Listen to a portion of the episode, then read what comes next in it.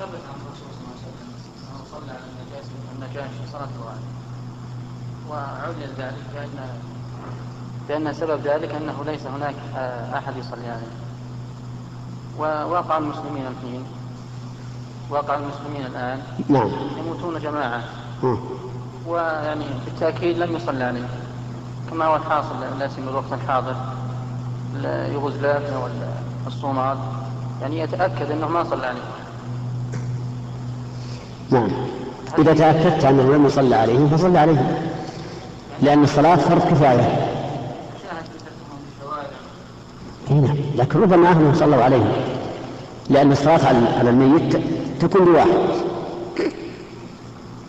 على كل حال إذا تأكدت أن شخصا ما لم يصلى عليه فعليك أن تصلي عليه. لأنها فرض كفاية ولا بد منها. نعم هذا هو الأقرب. وذلك لأن النبي صلى الله عليه وآله وسلم لم يصلي على من مات سوى النجاشي مع أنهم أفضل منه وأكثر نفعا للإسلام والمسلمين وكذلك الخلفاء من بعده.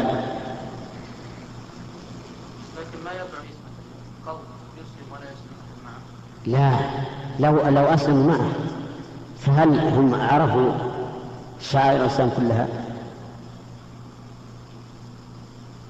قد يسلمون ولا يعرفون شيء من الشعائر.